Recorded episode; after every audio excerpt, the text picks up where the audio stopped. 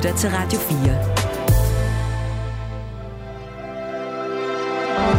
4. Velkommen til Mellemlinjerne. Din vært er Malte Burala.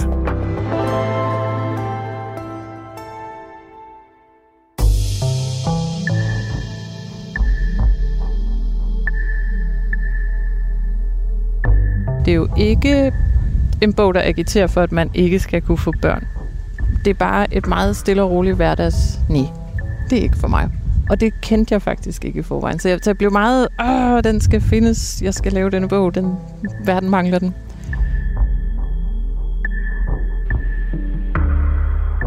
Voksenværk er titlen på tegner og forfatter Stine Spidsbjergs seneste bogudgivelse.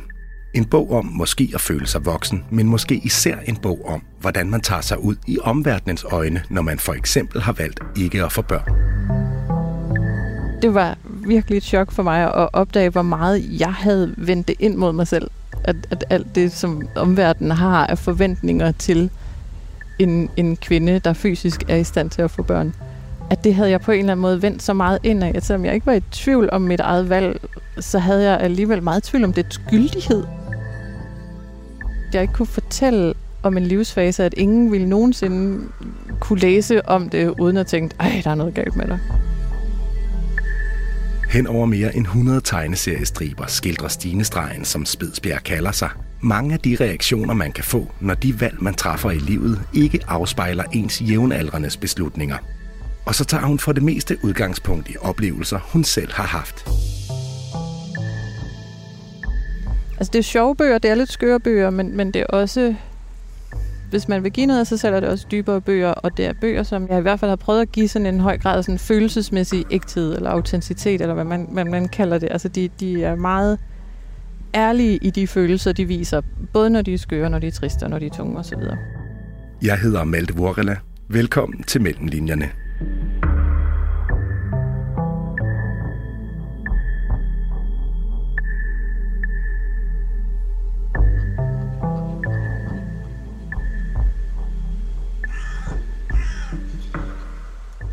Stine, hvornår er man egentlig øh, rigtig voksen? Det vil jeg også rigtig gerne kende svaret på. Ja, det er du ikke øh, nået i nærheden af en eller anden idé om det endnu i dit liv? Altså, jeg tror, på en eller anden måde synes jeg selv, at det er, når man er den, der har ansvaret for sig selv. Øh, men det kan jeg jo godt høre, når jeg øh, har venner, der nærmer sig de 50 år, der siger, uh, så er man voksen, når de skal ud og købe et sommerhus, at det er jeg vist lidt alene om at synes. ja, okay. Fordi du er jo selv rundet de 40 for et par år tilbage, og der er jo nogen, der vil sige, at så nærmer man sig da en eller anden form for, for voksenhed, men du er stadig i tvivl. Jamen, jeg er lidt i tvivl, men det er jo så også øh, det her med, med den rigtige voksne, om, om det bare er voksen, eller om det sådan er den ægte, den ægte fuldbyrdige voksne. Ja, og grund til, at jeg ligger sådan lidt øh, bastant fra land, øh, kan man sige, det er jo, at du er aktuel med den her bog, vi har liggende foran Anders, som hedder øh, Voksenværk. Og den beskæftiger sig med at være sådan der omkring de 40 og måske have børn, måske ikke have børn. Øh, de samtaler, der finder sted øh, i forbindelse øh, med det. I hvert fald det her med at være omkring de 40, så måske stadigvæk være i tvivl om, hvad det vil sige at være voksen. Øh, og det skal vi tale lidt mere om, men skulle vi ikke lige prøve at få etableret, øh, hvor vi er, fordi det rusker lidt i mikrofonen, og der er også nogen, der skrabber lidt i baggrunden. Kan du prøve at fortælle lytterne, hvor, hvor er det, vi er? Vi er på et øh, skønt bordbænkesæt i Frederiksberg Have, hvor vi har slået os ned omgivet af gæs, hvilket så betyder, at der ikke er så mange mennesker omkring os, fordi de er lidt fjendtlige. Ja, og øh, det er sådan et øh, ja, dejligt grønt sted midt i København eller på Frederiksberg, hvor øh, vi sidder sådan lidt nede i en gryde, der er et, øh, et, et springvand i baggrunden, og så lidt øh, længere op ad en bakke, der ligger Frederiksberg Slot og troner, og så sidder vi ja på en stor græsplæne, og vi har parken mere eller mindre for os selv. Der er i hvert fald langt til de nærmeste naboer, nogle hundrede meter i hvert fald. Hvorfor var det lige her, vi skulle mødes? Du sagde, at du godt kunne tænke dig et sted, der sådan betød noget for mig, øhm, og eventuelt noget, hvor bogen var blevet til. Og min første tanke var, at det, det, det kunne jo være derhjemme, hvor jeg arbejder fra, men jeg har århundredets vandskade, okay. så jeg har ikke rigtig været hjemme med mig selv i to måneder, og der står bare tom, så der kunne vi ikke rigtig være. Øhm, men jeg kan meget godt... Altså, bogen er meget øh, lavet på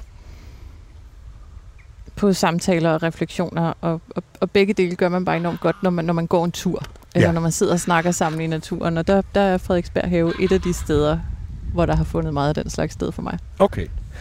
Så det er et sted, som her du kunne have samlet inspiration til, øh, til bogen. Lige præcis. Vi taler mere om bogen og om voksenlivet øh, om et øjeblik, men inden da, så vil jeg lige give lytterne et kort overblik over, hvad du har bedrevet i dit arbejdsliv. Okay. Stine Spedsbjerg er født i 1980 og uddannet journalist fra Journalisthøjskolen i 2009.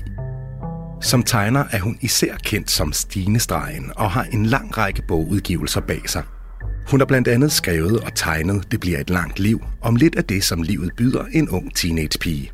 Derefter kom Forklædt som voksen, som henvender sig til lidt ældre unge mennesker. Hun blev kendt som Stine Stregen i slutningen af nullerne, hvor hun lagde tegnede hverdagssituationer på sin blog Stine Stregen. Siden er de digitale udgivelser flyttet over på Instagram og Facebook. Stine Spedsbjerg har været nomineret til Pingprisen, det er en tegneseriepris, flere gange. I år modtog hun så prisen i kategorien Årets Journalistiske Tegner, og det gjorde hun for tegneseriestriben Vox, som kørte i politikken indtil efteråret 2022. Nu er det efteråret 2023, og vi sidder her med din seneste udgivelse, øhm, i hvert fald den seneste fysiske udgivelse, og den hedder Voksenværk. Ja. Jeg nævnte et par af dine andre bogtitler. Nej, ved du hvad? Lad mig lige til en start høre, er der noget, som jeg manglede at få med i den her præsentation, eller det her CV? Jamen, altså, både, både ja og nej. Altså, jeg har lavet alt under solen, synes jeg, kreativt, siden jeg blev færdig på Journalisthøjskolen. Ja. Jeg har også arbejdet i reklamebranchen, og har skrevet film for Lego, og jamen, alt muligt mærkeligt. Så jeg synes, den er, den er fin for læserne, der skal bare lære mig at kende nok til at forstå det her. Vi holder den ved det. Men ja, det synes jeg. Jeg nævnte et par af dine andre bogtitler, og det var øh, nogen, som var rettet mod teenager eller mod unge voksne. Mm. Øhm, hvem er voksenværk egentlig til? Jamen, den er, den er nok til voksne, Ja. øhm, kan man sige. Men altså, jeg tror også med de andre to, altså det, det er sådan en mærkelig ikke-serie på en eller anden måde, som, som jeg er meget øh, privilegeret at have et forlag, der godt gider at lade mig lave en, en serie til forskellige målgrupper. Ja. Øhm, fordi normalt laver man jo en serie til den samme målgruppe, og tænker, dem, der elskede etteren, de vil købe toeren, men men etteren har været meget brugt som konfirmationsgave, og, og den næste bog er der nøgenscener og oralsex og alt muligt med i, så det er nok ikke noget, man så giver konfirmanden lidt senere på dagen. Nå, nej. øhm, men jeg tror for mig, altså det er sådan en slags ikke-serie om de livsfaser, øhm, der er, som så startede med puberteten, men jeg ser det måske også meget som, at jeg synes egentlig også, at vi har jo stadigvæk de livsfaser i os på en eller anden måde. Altså ikke, at vi stadigvæk, oh my god, jeg bare totally teenager. Sådan Nej. er det jo ikke, men, men der er jo stadigvæk mange af de ting, en teenager gennemgår, vi- vi både kan huske smertefuldt tydeligt, når vi tænker tilbage, men, men noget af det er jo også inde i os stadigvæk på en eller anden måde. Så den er henvendt til voksne mennesker, folk der er over 18 år. Ja, jeg, jeg tror, man skal nok... Øh, man skal nok et stykke op i 20'erne, tænker jeg. Altså, jeg, jeg tror, det er sådan der, hvor livet er i, i, i 30'erne og start 40'erne. Okay. Øhm, og der, der, man, det kan man selvfølgelig godt være utrolig nysgerrig på øh, som 18-årig, men Men identifikationen er der måske ikke i samme grad. nej, og det er lige præcis det, fordi det, det, er, en, altså det er en bogserie med tegneseriestriber. Det er ikke sådan en, en fortløbende episk fortælling på den måde. Øhm, og de er alle sammen meget nemme og bladre igennem rigtig hurtigt og tænke, det var nogle søde, små, sjove striber, hvis man ikke vil give dem noget af sig selv. Det er nogen, hvor man skal, skal give den lidt identifikation, give det lidt refleksion, før den sådan åbner sig rigtig op og bliver noget større end bare sikkert nogle søde små tegninger. Men er der alligevel et særligt sted i livet, den på en eller anden måde beskriver? Jamen, altså, jeg tror, det, det er nok der, hvor man, hvor man tænker på der, hvor man skal lande, hvor man måske i starten af 20'erne tænker meget i øh, at, at åbne op og udforske, og hvad skal jeg blive, og, og det andet er sådan noget, man tænker, og det kommer vel senere. Men så havner man jo på et eller andet tidspunkt det sted, fordi man måske, for eksempel kunne det være, at man var færdiguddannet, og så synes verden, nu er du der. og værsgo, forhold dig til det. Ja. Er det et svært sted at befinde sig? Altså det sted, hvor verden så nu siger, jamen nu er du ved at være på plads, og hvad så nu? Øhm, ja, men jeg ved, jeg ved ikke, om det er sværere end alle de andre faser i livet, for jeg synes også, det var muligt at finde ud af, hvad jeg skulle være, når jeg blev voksen, og jeg synes, det var svært at finde ud af, hvor jeg skulle bo, og altså, det, puberteten var redsom, og bare blev tæppebumpet af sine egne hormoner. Ja, ja. Så jeg ved ikke, om, om, om den er sværere, men den er måske sværere på en, på en tungere måde, fordi det her ikke er forbigående. Det her det er ikke sådan en, en fase på den måde, hvordan man vil have familie, hvordan man vil etablere sig. Nej, det er noget, du på en eller anden måde bare skal finde vej i, og så finde dig hjemme i, måske på et tidspunkt. Lige præcis. Skulle vi prøve at tage et eksempel fra bogen? Øhm, det er jo ikke sådan, at man som sådan kan sidde og læse et uddrag op, for det er jo forskellige striber, men vi kan måske alligevel prøve at give lytterne en eller anden form for idé om, hvad det er, som, øh, som siderne her de rummer. Jeg ved ikke, er der mm. et sted, du er særligt glad for? Øh, altså, jeg ved ikke, vi, vi kan jo prøve at starte med den allerførste tegning, som er sådan en slags før foråret. Øh, fordi den egner sig faktisk okay til, øh, til at blive læst op, fordi ja. at, at tegningen er egentlig bare to kvinder, der snakker sammen. Mm. Og den ene siger, jeg har altid vidst, at jeg ikke skulle have børn, for det ville æde mig. Jeg vil ikke være menneske, bare mor. Og den anden siger, sejt, jeg har internaliseret andres forventninger så meget til mig selv, at jeg troede, det ville gå sådan. Uddannelse, karriere, mand, hus, baby. Selvom det ikke er det, jeg nogensinde har haft lyst til. Samme person fortsætter. På en måde er jeg stadig forvirret over, at jeg bor i en tændstikæske alene, og ikke har den mindste trang til at få børn. Og så bladrer man, og så siger hun, faktisk tænker jeg, at jeg i årvis ikke må lave en bog om at være i den her alder, for jeg har jo ikke været her på den rigtige måde, når der ikke er kommet rigtige børn. Det krævede en rigtig redaktør for at indse, at jeg godt må være her og lave bøger om det. Og det er jo så et, et forsøg på at både øh, åbne bogen for mennesker, så man kan forstå, hvad den handler om, men også for at give et hint om, at det her er en, en, en personlig bog, hvor jeg bruger mig selv. Så hende, der siger det, det er hende, vi kan genkende som fortælleren. Ja, der er, forfatteren resten af vejen. Der er det her fortæller jeg, øh, tegner jeg, som, øh, som går igen. Ja. Og du havde de her overvejelser her, inden du gik i gang. Altså, er det en, overhovedet en bog, du må lave? Ja. Hvad fik dig derhen? Jamen, altså det, altså det startede med for, egentlig først bare, at det skulle have været den om, om teenager og være i puberteten, som jeg havde snakket med min redaktør om. Jeg tror måske faktisk endda, det var hendes idé, men som jeg bare blev revet helt vildt med af. Og jeg, jeg starter altid øh, en, en proces til sådan en, en type bog her med at, at skrive mange flere idéer ned, end jeg skal bruge. Og øh, altså idéer til konkrete striber. Ja. Og jeg må først gå i gang med at tegne, når jeg har 150, og jeg til slut skal jeg have cirka 120. Øh, og det, den blev bare ved med at stikke af med mig, den der idéproces. Og det, det gør den generelt, så det var ikke en overraskelse. Men, men lige pludselig så kom der bare alle de tanker om, hvordan det var at være i forskellige aldre. Så lige pludselig havde jeg bare noter til, til mange bøger okay. foran mig. Øhm, så vi lavede den, og så lavede vi Forklædt som voksen bagefter, som handler om den der alder, hvor man flytter hjemmefra, og hele det der lidt surrealistiske univers, hvor man bare så tænker, I har seriøst tænkt mig at give mig et, et dankort, som I først lukker, når jeg har overtrykket det med en milliard. Er I sikre på, at det her er en god idé? What? Ja. Øhm, og så var den udkommet, og jeg gik og tænkte sådan, åh, jeg havde alle de her noter, og jeg havde så meget lyst til at lave det næste, og så gik det op, og jeg sådan, det skulle sådan ikke konceptualiseres, men det skulle samles under noget, fordi altså, det er små striber, og, det, og de, de kan måske godt virke tilfældige på en eller anden måde, men, men det er virkelig forsøgt at, at faktisk lave en, en, en stram følelse eller billede eller portræt af en tid, eller hvad man skal sige. Så jeg var sådan meget, åh, hvad, hvad er det overordnet? Hvad samler det her? Hvad er den næste fase? Hvis det er, først kommer puberteten, så kommer flytte hjemmefra, og så gik den op for mig, det næste punkt, det er at få børn. Ja. Og det havde jeg jo ikke gjort. Og så havde jeg det faktisk sådan, så kan jeg faktisk ikke lave den bog. Fordi det er der jo ikke nogen, altså som, som sagt, det er jo nogle bøger, man skal give lidt af sig selv, og så at de, alle de andre har fået børn, så kan de jo ikke sidde og spejle sig i den. Så jeg tog faktisk et møde med min redaktør, og, og spurgte, om hun synes, vi skulle få en, få en forfatter på, og så bare bryde formatet helt og lave det til noget andet, eller om, om hun, som også er mor til tre, om, om hun måske ville skrive noget, eller, eller hvad vi gjorde, for jeg synes også, at der, der er sådan en... Altså det er sjove bøger, det er lidt skøre bøger, men, men det er også... Som sagt, hvis, hvis man vil give noget af sig selv, er det også dybere bøger, og det er bøger, som jeg synes eller jeg i hvert fald har prøvet at give sådan en høj grad af sådan følelsesmæssig ægthed, eller autenticitet, eller hvad man, man, man kalder det. Altså de, de er meget ærlige i de følelser, de viser, både når de er skøre, når de er triste, og når de er tunge osv. Ja. Så jeg ville jo heller ikke kunne lyve og bare bruge en figur, som på en måde var forklædt mig. Og så, ej, jeg er bare total mor, haha, jeg kender ikke, hvor hårdt det er at føde. Øhm, så det synes jeg var en løgn, så jeg kunne overhovedet ikke se det, det komme, og jeg fortalte hende om alle de her overvejelser. Jeg tror, jeg snakkede meget til det møde, og ej, hvad gør man så? Og, og, og, og hun var sådan, jamen, hvorfor ikke? Og så sådan, der er jo ingen bøger om det her. Det er der jo ikke nogen, der fortæller om. Det er der jo ikke nogen, der læser om. Hvor hun var sådan, jamen, synes du så måske ikke, det var på tide, at den her fortælling kom?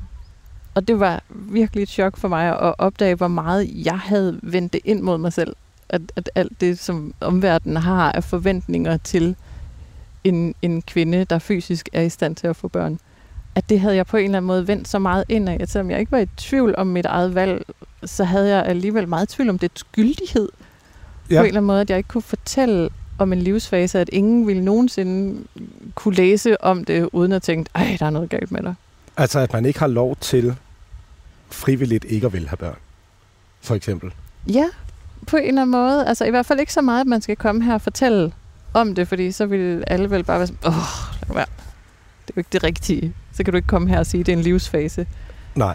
Øhm, men så vidste jeg så også det sekund, det gik op for mig, at, at jeg frivilligt havde overtaget nogle synspunkter, jeg jo overhovedet ikke har på verden, at så var det det vigtigste i verden lige pludselig for mig at lave den her bog. Okay. Og det er jo sjovt, fordi man, ja, lige den her situation med, med redaktøren, den er jo også afspejlet i bogen øh, lige efter det her øh, møde mellem de to ja, øh, kvinder, der sidder og taler. Så, så ser man så øh, din eller forfatterjegets øh, samtale med, med redaktøren. Øh, ja. Og det er så sådan en slags forord på bogen. Derefter ja. så står der så, at det her, det er ting, som er sket i virkeligheden. Det er øh, måske ikke de mennesker, som på en eller anden måde er afbildet i bogen, som, som det nu engang er sket med. De har ikke navne her i bogen osv., men det, det er ting, som du har oplevet på ja. de her situationer her. Hvordan har du det egentlig med at skulle sidde og tale om den her slags ting, og sådan det her frivillige valg om ikke at vil have børn. Nu har du udgivet en bog, som handler dels om det, men, men er det noget, hvor du sådan tænker, øj, nu skal vi sidde og have sådan et interview og tale sammen i... Det er ikke det eneste, vi skal tale om i de næste tre kvarter, men det er måske alligevel noget af det, som vi vil komme ind på.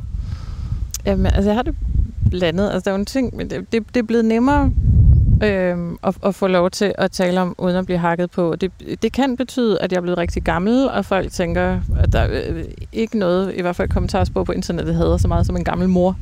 det er det forfærdeligste, man overhovedet kan gøre. Ja. Men det kan også godt være, at folk i hvert fald prøver at åbne sig op for nogle andre øh, synspunkter. Det ja. synes jeg er dejligt. Øh, det eneste, jeg tror, hvor det kan ærge mig lidt, det er, når man udgiver sådan nogle personlige bøger, så, så er der mange medier, der, der, der hurtigt gerne vil fortælle øh, den personlige vinkel, i stedet for at snakke om bogen. Ja. Og jeg er jo virkelig vild med min egen bog, så jeg er bare sådan, bog, bog, bog, bog, bog. Men det er jo en bog, der også samtidig tager udgangspunkt i noget personligt. Helt sikkert. Jeg har heller ikke noget imod at snakke om det. Vi skal forsøge at balancere det så i hvert fald. Men programmet her, det hedder jo Mellem linjerne. Ja. Og derfor så taler vi også ofte om det, der kommer forud og mm. så videre. Nu fortalte du, at du jo ofte skriver en masse idéer ned og så videre, ja. inden du går i gang. Men hvordan er du gået til arbejdet her? Altså, hvordan researcher man til en bog som den her? Altså, det er en bog, der kommer meget indenfra mere end, end, end udefra, så, så der er måske ikke researcharbejde på samme måde, som hvis jeg skal have tjek på, hvad for et tag Rundetårn havde. Nej. Øhm, i et bestemt årti, eller om der faktisk bor det her antal familier på den her ø, hvor det skal foregå. Øhm, så, så jeg tror, re- research er måske ikke noget, man kan sige. Jeg har et enkelt citat fra en avis her i et Det er sted. rigtigt. Øh, men det var faktisk et, jeg havde gemt. Fordi jeg råbte sådan lidt, jeg vidste det for mig selv, dengang ja. jeg så det. Ja, det er sådan et citat fra politikken. Det er et citat fra politikken. Det er en Sara Holst Kjær, der er etnolog og ekspert i parforhold ved Stockholms Universitet, der siger, kvindebilledet i 2022 fuldendes først, når man har fundet en partner, der skal lede til børn. Øhm, og det er, jo, det er jo hendes øh, måde at fortælle, hvad der er det almene syn på et vellykket menneske. Ja. Og det var på en eller anden måde rart at høre en forsker sige det. Så, så, så selvom man kan sige, at næsten alt andet her er jo, er jo meget personligt, og noget af det er også meget surrealistisk. Jeg, jeg møder en fe gudmor på et tidspunkt, og sådan, så, så nogle ting er også, jeg taler med mit klædeskab, der er nogle lidt skøre ting i det, ja. så man kan egentlig se, at den måske ikke... Øh, det er nok i virkeligheden det, der stikker mest ud. Det er den del, der har en lille smule research, men jeg har sådan nogle gange, at, at der også... Samtidig med, at folk kritiserer mig meget for det her, er der også mange, der gerne vil sige, men er det ikke også noget, du bilder dig ind?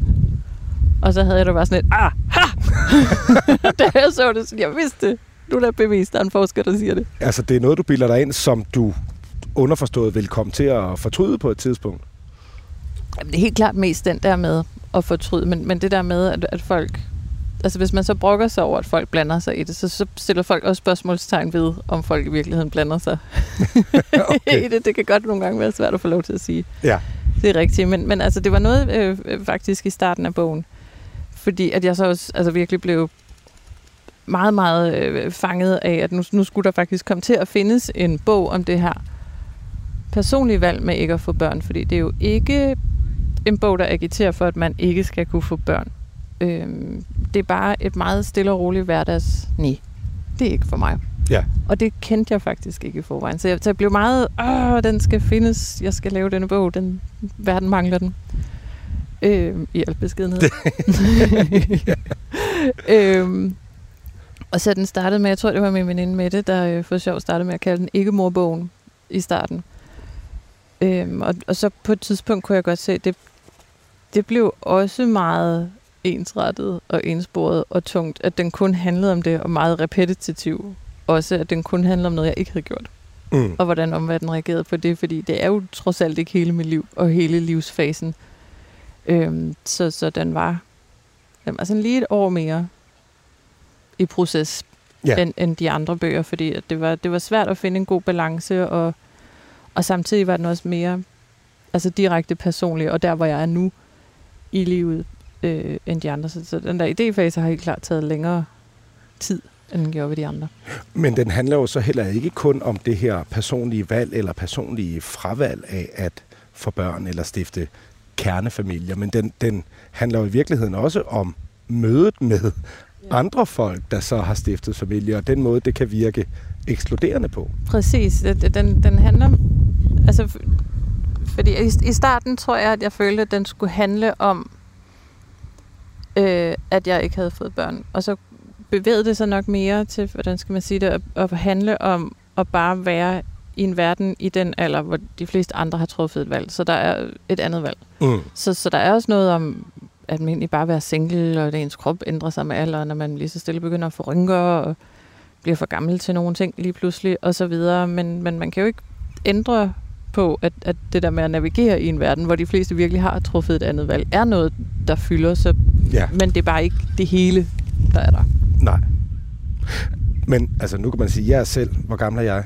Jeg er 36, det er ved at blive 37 her i år. Så jeg jo også har bevæget mig ind i den øh, periode, hvor øh, flere og flere mennesker omkring mig får børn, og der er flere og flere, som begynder at have de her samtaler i hvert fald. Ja. Og jeg kan da huske, at hele verden lukkede ned øh, omkring øh, corona, så tænkte jeg, åh, det var da også godt nok ensomt, og for skal det være at blive fedt, når verden den åbner igen. Og da verden så åbnede, så havde alle bare fået børn på en Så nogle af tingene kan man sige, at det, det, det kunne jeg jo godt genkende, men meget af det her er jo også fra en kvindes synspunkt, jo ikke? At mm. du kan ikke sige nej tak til en øl til en fest, fordi så det er en af striberne i bogen, ikke? Ja. Og man nærmest skal høre alle andre mennesker, der siger, nå, Okay, ja. nå, hold da op, og gud, hvor spændende, og sådan, ikke? Ja. Vi har jo været lidt inde på det her, men, men, men er alle de her ting, den her var måske en af de mere uskyldige ting, men, men er alle de her også lidt ubehøveligheder, man møder i bogen, mm. er det simpelthen situationer, der er grebet ud af, af dit eget liv? Ja, det er de. Altså, de fleste af dem er mange ubehøveligheder, der er, er sat sammen og ligesom lavet et resume ja. i, i en tegning, fordi at i, i starten tænkte jeg, at, at læseren skulle opleve det samme som mig. At man simpelthen bare skulle igennem det igen og igen og igen og igen og igen og igen og igen. Og så kunne jeg lige pludselig godt mærke, at selvom det konceptuelt ville give rigtig god mening, så ville de blive lige så trætte af at høre på det, som jeg havde været. Ja. Øhm, så, så derfor blev det ligesom en, en slags små referater mm. af de forskellige måder, det er blevet sagt og vist på. Okay. Nu kan man jo øh, høre, at det rusker lidt i øh, mikrofonerne. Der er en øh, let brise her, en øh, kirkeklokke, der, der ringer i det fjerne. Vi sidder udenfor i øh, Frederiksberg have. Og vi talte om indledningsvis, at det var måske her, du kunne gå og samle noget inspiration til dine striber og dine øh, fortællinger og bog, bogudgivelser. Men hvordan ser en arbejdsdag egentlig ud for dig? Det kommer meget an på, hvor jeg er. Ja. Øhm, i, I processen. Altså jeg prøver, øh, i idéfasen prøver jeg egentlig ligesom ikke at fokusere på den. Jeg prøver at have den sådan ligesom et eller andet, man ikke må stille skarp på, når det er der. Altså den, den er ved siden af mig i alt, hvad jeg gør. Og tænker, der har jeg sådan en, en, en noteliste på min telefon, som så bliver fyldt langsomt. Men, men, men der, den kan godt blive sådan lidt... Jeg kan godt komme til at obsesse lidt, hvis jeg sætter mig bare ned og kun vil have idéer. Men, men de bliver også tit øh, lidt for ensrettede, øh, når det skal være så mange idéer på, på én gang, hvor det egentlig er bedre netop at gå i Frederiksberg have ja. og snakke med en veninde om det og sige, gud, kan du huske dengang hende der, som vi gik på journalisthøjskole med, det sagde hun faktisk. Øhm, og, eller bare, hvad har du egentlig tænkt på med det? Og, altså bare have nogle naturlige samtaler, og så komme hjem og igen, lad være med at stille skarp, lad være med at stille skarp, sådan lidt ligesom når man øh, prøver at få en god idé, så skal man gå ud og vaske op eller tisse. Og så når man har hænderne i vand, og fordi man er ved at vaske hænder eller vaske op eller et eller andet, så begynder lige pludselig at komme de der idéer, man ikke kunne få. Ja. Og sådan virker den her idéfase egentlig bedst, så jeg skal faktisk helst lave den sideløbende med, at jeg laver noget andet, mens der stadigvæk på en eller anden måde er, er skåret tid ud af til så at, at få det skrevet ned. Øhm, og efter den, så er det jo noget med at prøve at kigge kigge på mængden, og om, om de er for ensrettede, og prøve at dele det lidt op med, okay, øhm, dele dem op i en slags emner eller kategorier, eller hvad man ville sige for os at se. At, og, og det var så også der, det på et tidspunkt gik op for mig, at jeg havde sådan noget 100 idéer med folk, der bare har fortalt mig, at jeg ikke er noget værd, og så to om, at min krop bliver ældre. Og det var sådan, hmm, den balance er måske ikke helt rigtig, hvis det skal være Nej. Et, et egentligt billede af hvordan det er at være i den alder. Så, så sådan justere lidt og få drejet sin hjerne om. Og så derfra øhm, kommer der en fase med at prøve at øh, finde ud af, hvordan den skal se ud. Fordi det, det skal jo være den her person, og, for, og fordi de tre bøger i ikke-serien er så forskellige, skulle det også være personer, der ser virkelig forskellige ud. Og den her gang var udfordringen også lidt, at hun skulle være mig. Mm. Men hun skulle jo ikke være så meget mig, at, at folk tænker, at det er en selvbiografi, og så lige pludselig åbner op på en side, hvor det er sådan, åh, du har mødt din magiske fegudmor, og, talt, og har haft et talende klædeskab. Okay, what? Så, så det, det skulle det være på en eller anden måde. Øhm, hvor øh, den første, som handlede om at være teenager, der var også aldersmæssigt og længere frem, blev meget symbolsk, hvordan hun så ud. Altså hun har så meget lange, tynde lemmer, der ikke helt passer til kroppen. Og så har hun sådan noget lyserødt rødt hår, der er sådan formet som, med en lille knold, der er formet som et løg. Fordi det er sådan en alder, hvor man bare har sådan virkelig hothead ja. ild i hovedet, ikke? Og sådan en sur lille løg. Så det blev, blev sådan meget øh, oversymbolsk. Og der tænkte jeg, at den her, mens tegningerne jo stadig er på en måde, jeg tegner på en meget cartoony måde, som nogen nok ville synes var lidt fjollet, så ville jeg gerne stadigvæk have, at man godt kunne se på forsiden, at det faktisk var også en seriøs bog, selvom mm. det også er en skør og en sjov bog. Så, og, fordi hun skulle være lidt mig, så så hun sådan tegnede efter mig, men har fået sådan lidt mere en, en, en praktisk frisyr, som jeg har lagt mærke til, at øh, mange mennesker klassisk får over de 40. Så ja. skal det ikke være så langt og fjollet øh, længere. Øh, og så sådan lidt øh, sådan et pæreformet med noget appelsinhud, ligesom mig selv. Og så blev det meget med, altså alle øh, bøgerne har sort og hvid og en farve, der så kommer i nogle forskellige nuancer, hvor den første var rød, øh, og den næste var sådan et grøn-blå ja. på en eller anden måde. Øh, den var sådan mere spirituel-agtig. Øh, og så ville jeg gerne have, at den her faktisk skulle være lidt seriøs i sin farve, men hvad er en seriøs farve, og den skulle kunne købes som en hårfarve, så det er også, hvis man tegner en 40 med grøn hår, så, så giver man hende jo nogle karaktertræk. Ja. Øhm, og så kom jeg i tanke om, at jeg havde læst, at øh, blonde mennesker bliver mørkere med alderen, fordi de får mindre og mindre testosteron.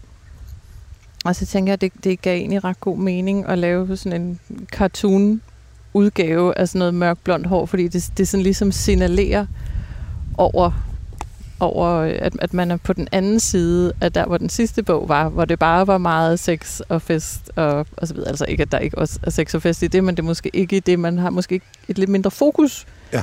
øh, på det på samme måde.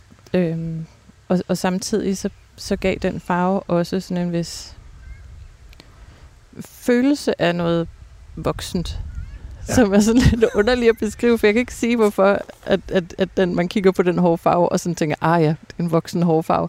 Men jeg tror aldrig, jeg ville tegne en teenager med den hårfarve, så jeg synes, den er med til at pejle en sådan ubevidste opfattelse af den karakter, man ser på forsiden det rigtige sted her. Okay. Men det tager lang tid Ja.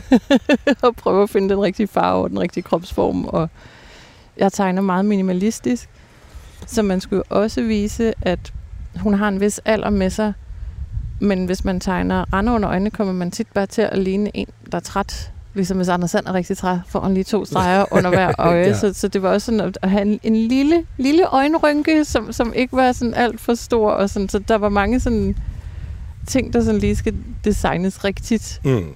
Øhm, og når den så er på plads, så med de andre her tegnet en stribe, der sådan har skulle være ret fuldendt, før jeg måtte tegne videre. Men, men den, da jeg nåede til, til den del af processen med den her, var jeg også nødt til at skulle søge Statens Kunstfond sidste år.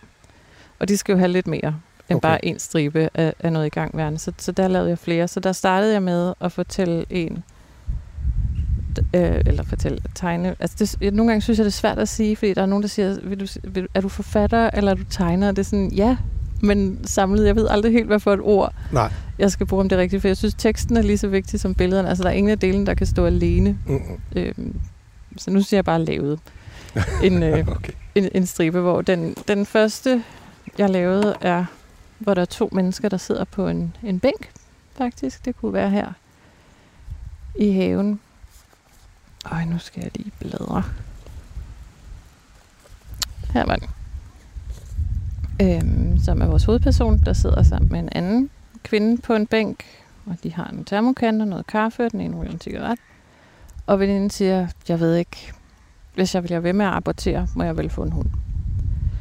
Øhm, fordi jeg har jo også veninder, der ikke kan få børn. Mm. Og det var ikke, fordi jeg skal ind og fortælle deres historier og, og, og gøre det til og sådan nasse på en, en tragedie og gøre det til også en tragisk historie. Men jeg synes ikke, at det var repræsentativt, hvis det, hvis, hvis det kun var en bog, der handlede om, at det her det er et valg. Fordi det er det jo ikke for alle. Nej, Og jeg det. føler jo meget øh, med dem. Så, så jeg tænkte, at det, det har jeg jo oplevet mennesker, der har, så det vil jeg gerne have med. Men den er meget svær, hvordan man tegner det, når man så har den der cartoony lidt show-stil, og egentlig har valgt, at det skal være en bog, der er sjov nok til, at nogle mennesker vil sænke paraderne, Ja. og måske være med til at læse om de lidt tungere ting. Så, så jeg havde sådan, den, den skulle på plads, og så en af de, som folk typisk synes er sjovest, som er hende, vores hovedperson, der sidder sammen med øh, en helt ny mor, hvor der står, nye forældre er de værste sælgere i verden. Og der sidder den mest slitte, nyfødte mor med onde brystvorter, ømme, ikke onde, ømme brystvorter, og en baby, der bare sidder og tykker i dem og prutter, og hun har pletter overalt, og man kan se, at hun er blevet gråhåret før Ja, hendes tid. måske endda kommune, øh, engang kommunefarvet hår. Det Lige er, præcis. Og hun har så alle de her streger under øjnene, der siger træt. Og dem har hun fået en 4-5 stykker af. Og Ja. så siger hun, skal du ikke snart have sådan en guldklump selv? øhm, for den, den vidste jeg ville være sjov. Så havde jeg sådan, hvis jeg kunne få de to striber til at spille, Mm. så havde jeg lavet et visuelt univers, jeg ville kunne tegne hvad som helst ind i. Og det er måske også nogle af de her, som er, ja, den her også øh, underfundig, eller sådan øh, øh, humoristisk, så er der nogle af de andre, som har en sådan lidt mere ubehøvlet kant, tror jeg, jeg kaldte det. Det var mit, Mm. mit ord. Men folk, Ja, ja, ja. ja. som som kommer pålag deres eget livssyn på andre mennesker i forhold til, at de spejlede deres, eget, deres egne livsvalg. Ja. Og der tænker jeg på, at du gør et stort nummer ud af, eller nævner i hvert fald i begyndelsen, at det her, de her fortællinger, det baserer sig alt sammen på folk, som jeg har mødt, eller nogen, som har sagt eller gjort noget, men der er byttet rundt på det hele. Ja. Har du fået nogle reaktioner nu her, efter du har udgivet den her på, på folk, der så måske har været flove? Nej. Jeg har ikke fået en eneste, og det havde jeg heller ikke regnet med, for jeg er ret sikker på, at hvis du tager, altså det her, det er virkelig seje, cool, feministiske typer, der har sagt de her ting. Rigtig mange af dem er. Og jeg tror, hvis du satte dem ned i et interview, ligesom du gør her med mig, og siger, synes du, at man godt selv må bestemme om, hvad man har børn? Og tror du, man kan blive rigtig voksen uden børn? Og kan man have et fyldesgørende lykkeligt liv uden børn? Så kan jeg love dig for, at de alle sammen vil sige, ja, selvfølgelig kan man det. For deres syn på sig selv. Jeg tror ikke, de er klar over, at det er deres ryggradsreaktion, når de snakker med folk Nej. om sådan et emne. Jeg tror ikke rigtigt, de snakke findes i deres hoved på den måde. Jeg tror ikke, de gik hjem og tænkte videre over det. Det, det var bare sådan en, en refleks ja. nærmest. Og så har de glemt alt om det og gået hjem til deres børn og har tænkt, yes, jeg havde ret. Okay. Men så skal man måske så heller ikke være så bekymret over at gå og være øh, venner med en tegner som dig, øh, når situationer lige pludselig handler i en, øh, eller havner i en bog, øh, hvis man ikke har den øh, selvrefleksive evne. Nej, altså nu har jeg jo så også... Jeg vil jo gerne have, at det ikke handler om, hej, jeg har mødt fem mennesker, der var røvhuller. Det skulle handle om, at hej, det her er rigtig mange menneskers standardreaktion, og det her kunne vi måske godt bruge lidt tid på at tænke over, om det er sådan, vi også selv kommer til at reagere på det. Så, så derfor skulle det ikke være, og der kan I se, det er den person, og det kan I jo tjekke på øh, kindbenene, eller ja, eller hvis I kender hendes forfatterfoto, så kan I også se, det var hende, der var her. Og sådan. Altså, det, det skulle ikke være dem, der sådan skulle hænges ud, eller skilles ud. Nej. Det har ikke været tanken. Det har bare været for at vise, det her siger folk i fulde alvor til andre mennesker. Ja, så hov, ej, og sikkert det blæser nu. Du lytter til Mellemlinjerne på Radio 4. Der er ikke nogen, der sådan indimellem siger til dig, ved du hvad, Stine, det her, det må du altså godt lige holde ud af dine striber? Nej. Okay. Nej, det har jeg ikke øh, oplevet. Altså, der, der er kun... Øh, altså, jeg, har, jeg får altid feedback fra to mennesker, der aldrig nogensinde har meldt sig frivilligt til, at de feedbacker alt, hvad jeg laver. Men jeg synes, de er så dygtige, så det kommer de til. okay. De ender der altid, og de ender også altid med venligt at sige ja. Og der er der hende, som jeg snakker med i indledningen, som er en forfatter, der hedder Senja Jonsen, som er ekstremt dygtig, og sådan dygtig på sådan en meget selvfølgelig, uhøjtidlig måde, men, men derfor hun er hun er virkelig god til at give feedback, fordi hun ligesom ikke overtænker i hvert fald mine ting. Nej. Øhm, og, og hun kiggede den igennem, Øhm, og, og der var nogle enkelte, hvor den karakter, jeg har tegnet her i indledningen, som jeg sidder og snakker med, måske er lidt baseret på hendes udseende, men den karakter får også nogle andre citater senere, hvor hun var sådan et, og der tror jeg, du misforstod. Ja. Øhm, hvor jeg så lige måtte, måtte øh, understrege, det, det var fordi, det ikke var hende. Men, men hun sagde faktisk, at der var et synspunkt, hun, øh, hun manglede repræsenteret i. Så der, der fik hun en, øh, en ekstra stribe ind, okay. der handler om at være øh, psykisk sårbar og faktisk være en, der på sin vis godt kunne få børn, men godt ved, at man faktisk skal nok lade være med at få børn. Og, og hele verden, der stadigvæk siger, ej, det kunne du godt. Men mm. hvis man så får dem, så er det jo stadigvæk også en fange, og så vil folk jo også gerne sige, det skulle du nok ikke have gjort. Ja, fordi at det er for stor en opgave, eller fordi at man ikke har lyst til at give noget videre til sine børn, eller? Jeg gætter på, at det er en blanding, men, men ja. jeg synes, hun havde ret i, at altså, det er noget, jeg også har snakket med hende om tidligere. Altså det, det generelt i, hvad man giver videre, men også hvad, hvad man overgår, og hvad forskellige mennesker har af overskud og så videre. Det er jo ikke det, det min beslutning er baseret på, og jeg tror heller ikke, det er det, hendes beslutning er baseret på, men det er noget, vi har snakket om, og det var bare noget, jeg egentlig havde glemt.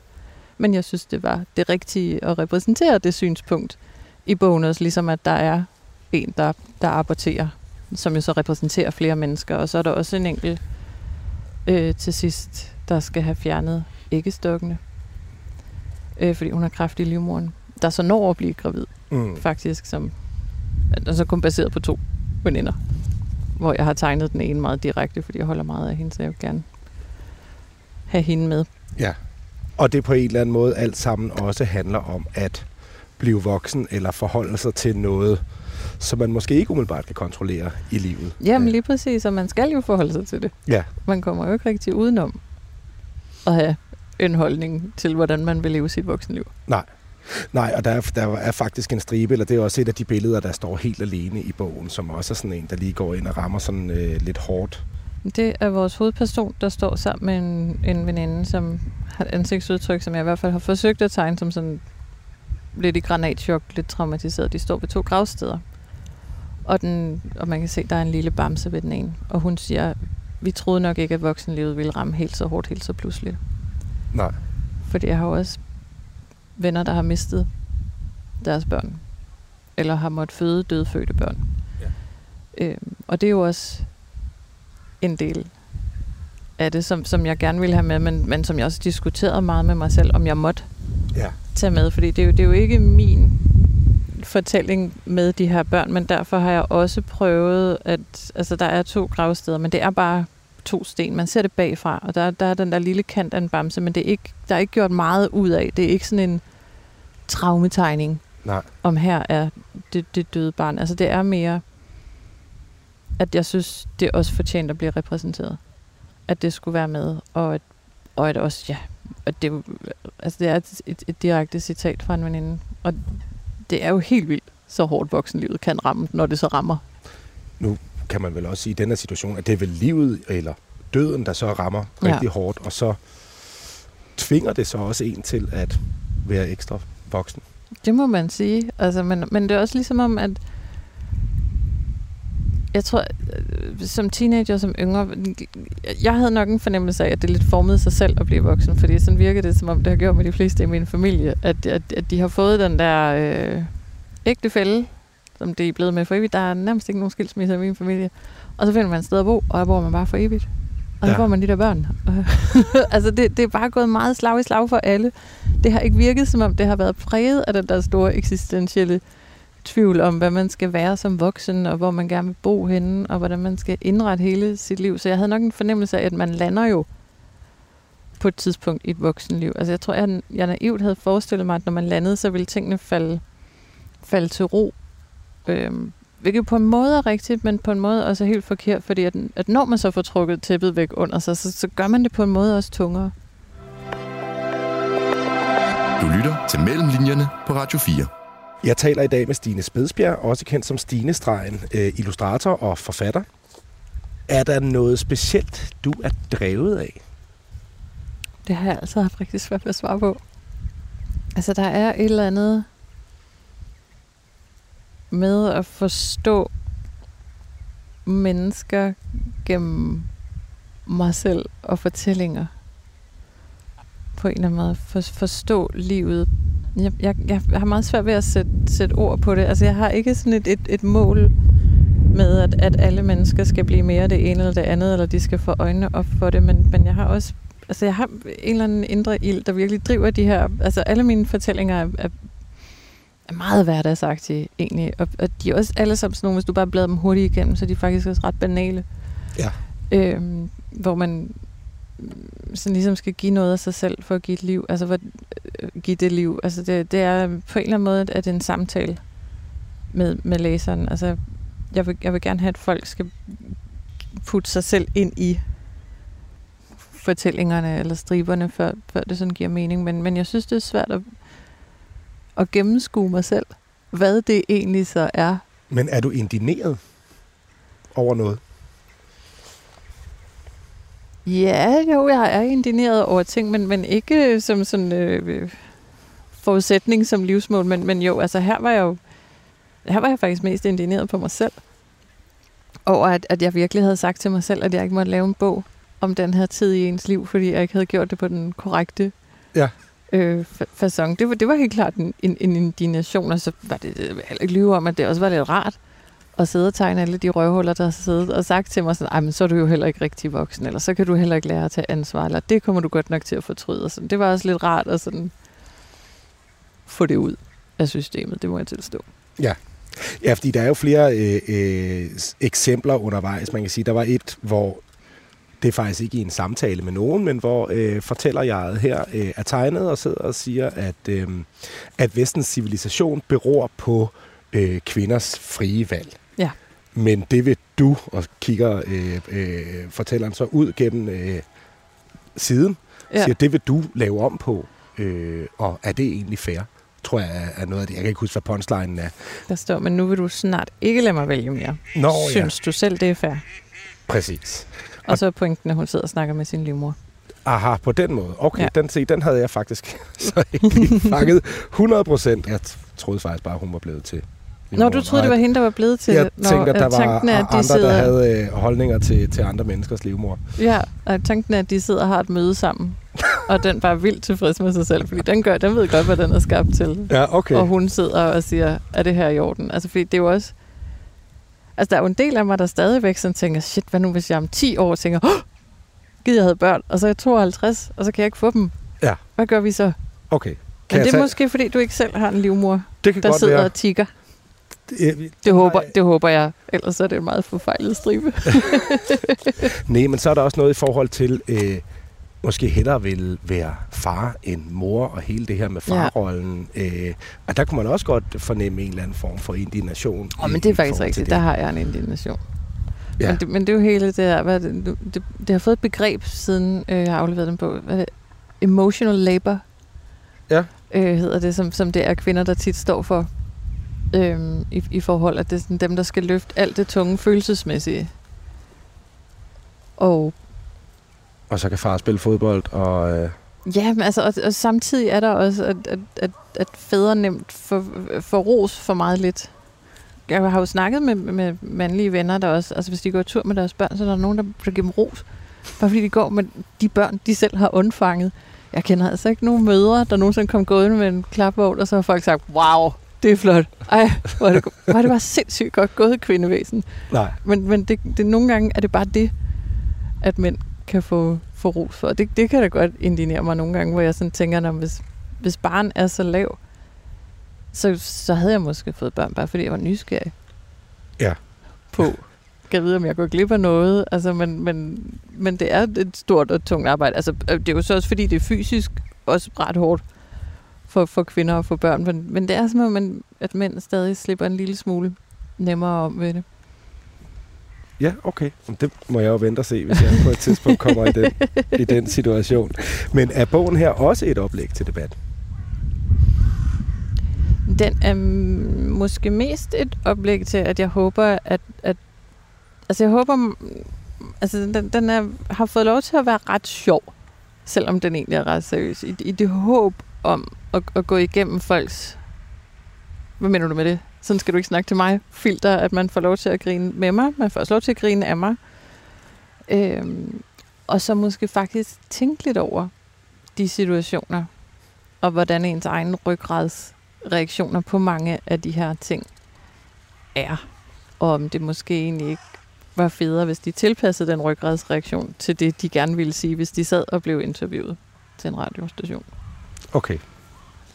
Til at begynde med, med, der spurgte jeg jo om, hvornår man er rigtig voksen. Ja. Er du egentlig voksen nu? Ikke på grund af interviewet, men, men Jeg er blevet voksen under det her interview. ja, det kunne man godt blive gammel af, og bare skulle sidde og blive udfrittet øh, om, om både det ene og det andet. Men befinder du dig et, et, et voksen sted i livet? Jamen, det synes jeg. Det synes jeg. Jeg har, jeg har et andelslån, og jeg, jeg er jo selvstændig. Jeg har været selvstændig erhvervsdrivende i, i 10 år, og jeg skal jo hele tiden tage, tage stilling til min opsparing i forhold til, hvis der kommer en hel måned, hvor jeg ikke tjener nogen penge, og Ja. tænke fremover, hvor jeg gør den slags fejl. Så det, synes jeg jo, at for mig er det der med, at- at jeg har ansvaret for mit eget liv, og jeg klarer det uden hjælp. Det, det er vel egentlig det, jeg synes er voksen. Mm.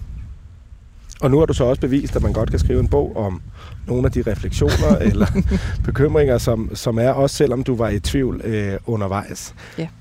Hvad er den næste bog så? Ved du det?